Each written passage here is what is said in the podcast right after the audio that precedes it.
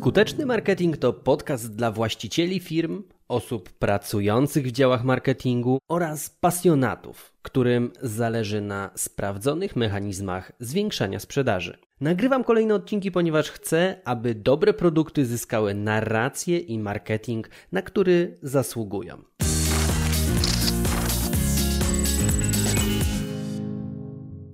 Jak udzielać informacji zwrotnej, aby otrzymać to, na czym nam zależy, a jednocześnie uniknąć konfliktu? O tym będzie w tym odcinku podcastu, czyli feedback na wagę złota. No i jakby nie patrzeć, otrzymywanie informacji zwrotnej od klienta, partnera biznesowego, zewnętrznego konsultanta to najlepszy sposób na rozwój. Jednak do informacji zwrotnej trzeba dwojga. To oznacza, że zarówno trzeba z pokorą i uwagą ją przyjmować, ale również z wyczuciem i precyzją udzielać. Nierzadko zdarza się tak, że zaraz po jej udzieleniu otrzymamy kontrę i to z nawiązką, i to z agresją. No i tu nie ma jednego scenariusza, bo albo kogoś uraziliśmy, albo trafiliśmy do zadufanego w sobie buca, którego razi nawet e, najmniejszy promień krytycznego spojrzenia. No i w ramach tego odcinka skupię się wyłącznie na feedbacku rozwojowym, czyli takim, który mówi o raczej tych złych rzeczach, który mówi o poprawkach potrzebnych do wprowadzenia do tego systemu, w którym ktoś tam pracuje, do aktualnie wykonywanych działań, więc będzie to taki feedback feedback, nazwijmy go rozwojowym, ale oczywiście to PR-owa nazwa, bo chodzi o ten feedback krytyczny, krytyczną informację zwrotną.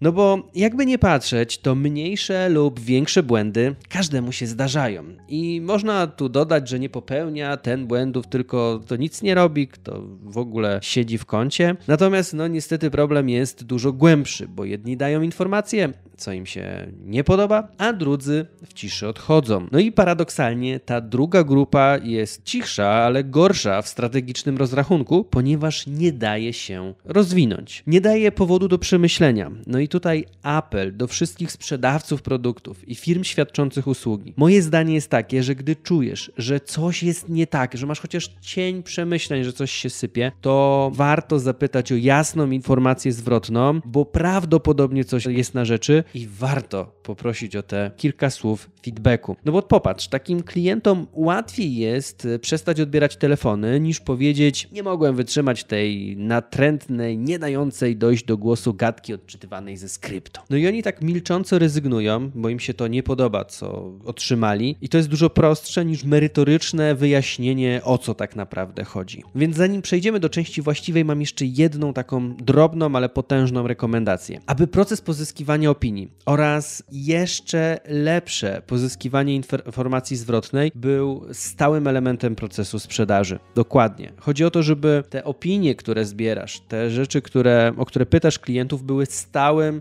powtarzalnym elementem procesu. To znaczy, na przykład, każda osoba, która zakupiła u ciebie produkt, usługę, powinna otrzymać telefon z pytaniem o to, jakie ma wnioski i przemyślenia po tej transakcji czy po wykonaniu tej usługi. Naprawdę można się tak dużo dowiedzieć o tym, e, jakiej jakości wykonujemy rzeczy, kiedy wprost zapytamy o to klientów. Ja na przykład co jakiś czas dzwonię do klientów, którzy nie zdecydowali się na współpracę z agencją marketingu internetowego, czyli W-Business i pytam ich wprost, co spieprzyliśmy w procesie.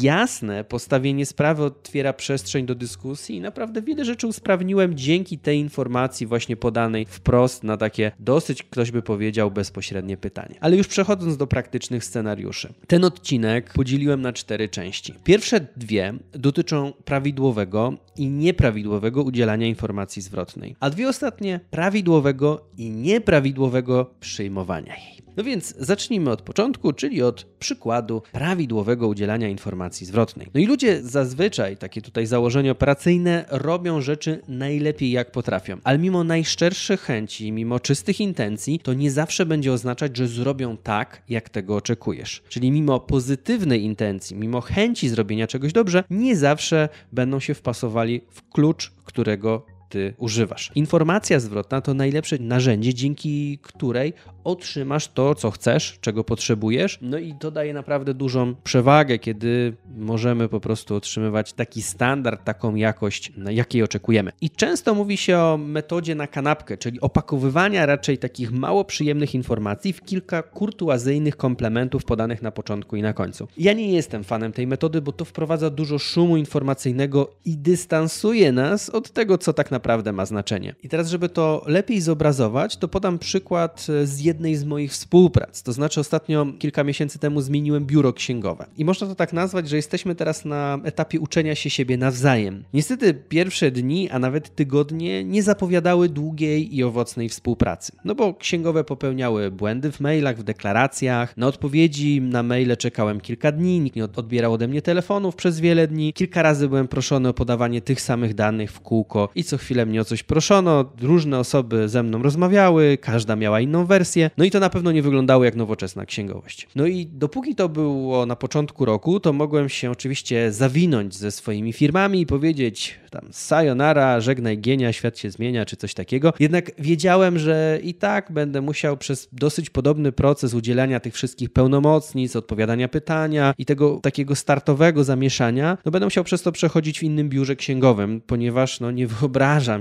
sobie, żeby zajmować się swoją księgowością samodzielnie. Więc uznajmy, że nie mam do tego predyspozycji, nie mam cierpliwości, więc płacę biurom księgowym za to, że obsługują moją księgowość. Tak bym to nazwał. No więc skorzystałem z innej opcji, taką jaka mi pozostała. Napisałem długiego maila, który zawierał opis 14 sytuacji oraz moich oczekiwań względem tych sytuacji. To znaczy, to były sytuacje problemowe. Więc po pierwsze odniosłem się do faktów, bo o ile można mieć takie przeciwstawne opinie, czyli można mieć różne zdanie na dany temat, to nie można mieć dwóch przeciwstawnych faktów. No, fakt to jest fakt, to jest coś, co się wydarzyło. Chodzi o to, w tej pierwszej części, którą wypisałem, o to, aby obie strony zgodziły się do tego, co tak faktycznie się wydarzyło. Po drugie, pokazałem, jakie są konsekwencje u mnie tychże faktów, jak odczuwam problemy związane z tymi niedogodnościami, które mnie spotkały i jakie też przytowarzyszą mi przy tym emocje, jak się czuję. No i na trzeciej części, czego oczekuję w zamian. Jak to według mnie powinno wyglądać? No i na sam koniec po ludzku zapytałem, czy oni w ogóle są w stanie sprostać takim oczekiwaniom. No bo uważam, że jako osoba, jako klient nie mam prawa oceniać, czy oni to robią dobrze czy źle, bo może ja jestem wybredny i może jestem jedynym klientem, który na to narzeka, a pozostałe tam, nie wiem, 300, 200, 30 czy 3000 klientów z radością korzysta z ich usług. Nigdy tego nie wiemy tak naprawdę, znając tylko swój własny przypadek. My możemy ocenić, czy my jesteśmy zadowoleni, nie możemy ocenić, że wszyscy są na przykład niezadowoleni. No i w ramach też informacji zwrotnej, biorąc to pod uwagę, ograniczyłem się do tego, co ja czuję, jakie mam oczekiwania, no i wysłałem tego maila do właściciela firmy. Dodatkowo pozwoliłem sobie też wysłać SMS-a, aby podkreślić, że ten mail jest ważny. Na tego maila warto odpowiedzieć. Przypomnę, że przez jakiś czas nie otrzymywałem jakiejkolwiek odpowiedzi od tej firmy. No i ktoś powie, że poszedłem na konfrontację, wyrażając swoje zdanie. Niektórzy naprawdę boją się takich konfrontacji. Niektórzy nawet mówią, że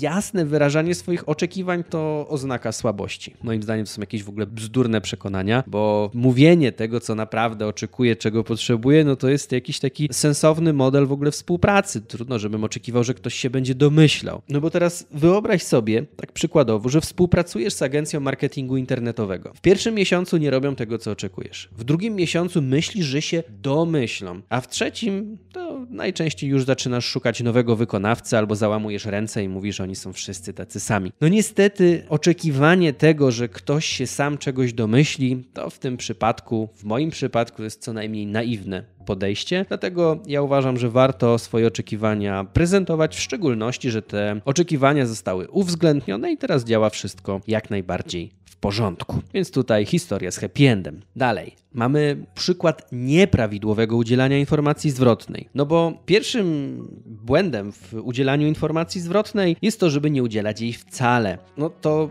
powoduje, że ktoś się nie rozwija, a ty nie dostajesz tego, co potrzebujesz. Więc jak ci się coś nie podoba, to to powiedz. Ale jeżeli stać się tylko na krzywienie nosem i komentarz w stylu mnie się to średnio podoba, to oznacza, że prawdopodobnie jesteś tylko kolejną marudzącą osobą ze swoim widzi misie, e, która podejmuje decyzję na misia, czyli mi się to podoba, mi się to nie podoba. I cały sęk tej zabawie polega na tym, aby uzasadnić o co tu naprawdę chodzi, a nie tylko dorzucić swoje trzy grosze. Często widzę takie zachowanie w przypadku większych organizacji, w których płacą ludziom za ich stanowisko pracy, za to, że je tam utrzymują. I to są takie podejścia wtedy, takie sytuacje, że jak on się nie wypowie, nie da jakiegoś zdania na swój temat, to znaczy, że wcale nie jest potrzebny i nie trzeba mu płacić, więc e, dorzuca tam parę zdań, najczęściej krytycznych, no bo czemu miały być pozytywne. No i niestety, ale nie ma to nic wspólnego z faktami, tylko z jakąś tam opinią w stylu postarajcie się bardziej. No to jest właśnie dosyć częsty scenariusz we współpracy, gdy jest wielu decydentów, e,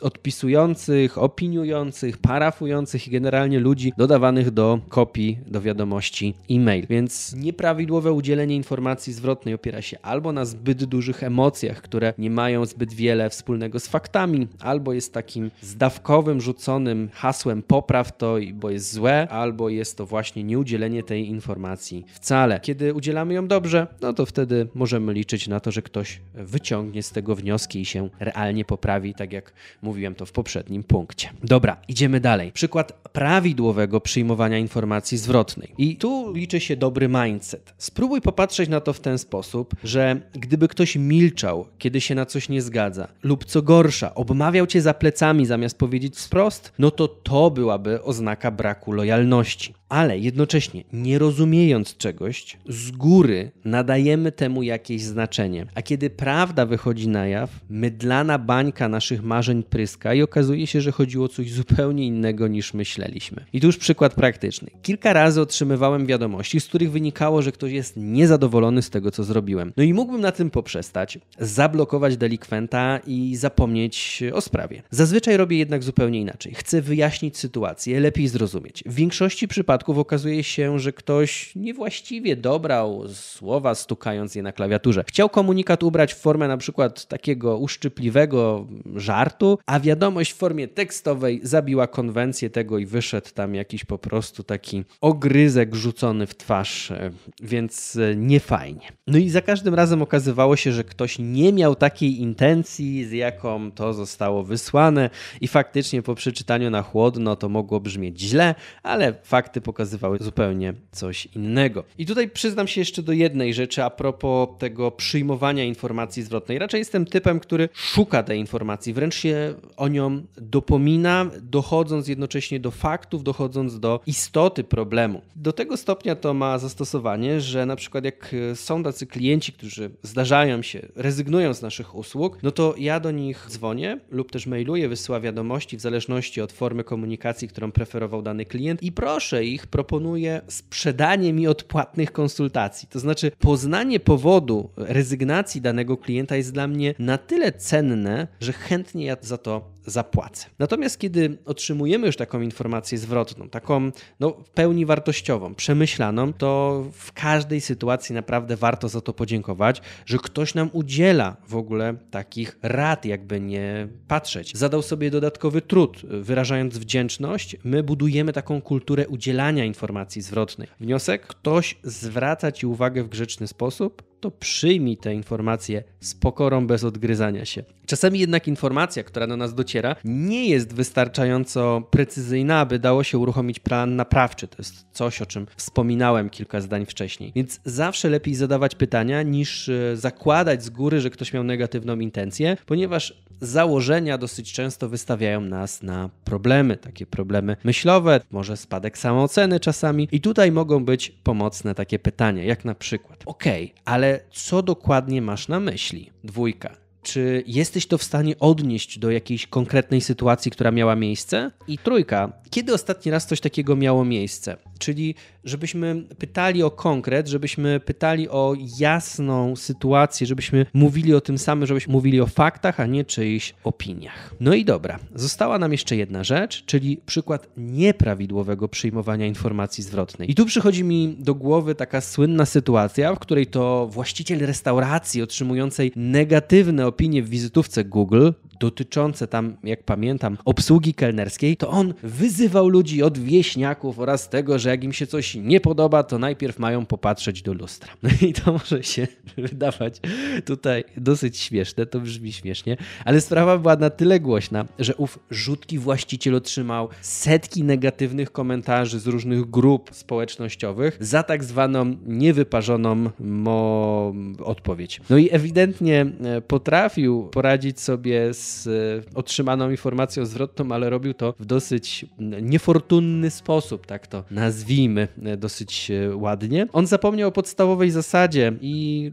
o tym, żeby nie odpowiadać na negatywne komentarze w negatywny sposób, bo autora negatywnego komentarza już prawdopodobnie nie przekonamy do niczego, ale nasza odpowiedź powinna być tak skonstruowana, aby maksymalnie zachęcić nowych, potencjalnych klientów, którzy w drodze wyboru nowego dostawcy mieliby zetknąć się z taką negatywną opinią, czyli my piszemy dla tych ludzi, dla tych gapiów, którzy będą tam przeglądali ta, tą korespondencję, niekoniecznie dla osoby, której odpisujemy. Więc w dużym uproszczeniu, informację zwrotną udzielamy z emocjonalnym, empatycznym wyczuciem, precyzyjnie, w punktach, w odniesieniu do konkretnej sytuacji, tak aby ta informacja zwrotna nie pozostawała przestrzeni do interpretacji. Chodzi o tym, aby zachować właśnie dobrą intencję, no i nie zepsuć relacji. Z kolei jako odbiorcy przyjmujmy ją z wdzięcznością i pokorą, a w przypadku ogólnej i raczej takiej emocjonalnej maniery feedbacku opierającej się na opiniach, warto sprowadzić całość do konkretów, dopytać, jakie przypadki, jakie historie, jakie sytuacje miały miejsce, no bo trzeba z tego na koniec wyciągnąć jakieś wnioski, no i wprowadzić odpowiednie poprawki do planu. To jeden widzę, że z dłuższych odcinków e, mojego podcastu, ale myślę, że dający dużo do myślenia w kwestii bardzo istotnego narzędzia komunikacyjnego, jakim jest właśnie otrzymywanie i nadawanie informacji zwrotnej. Liczę na to, że po wysłuchaniu tego odcinka rozszerzy się Twój sposób patrzenia na marketing, rozszerzy się Twój arsenał narzędzi komunikacji. Tymczasem słuchaj, wdrażaj i zarabiaj. Ja trzymam za Ciebie kciuki.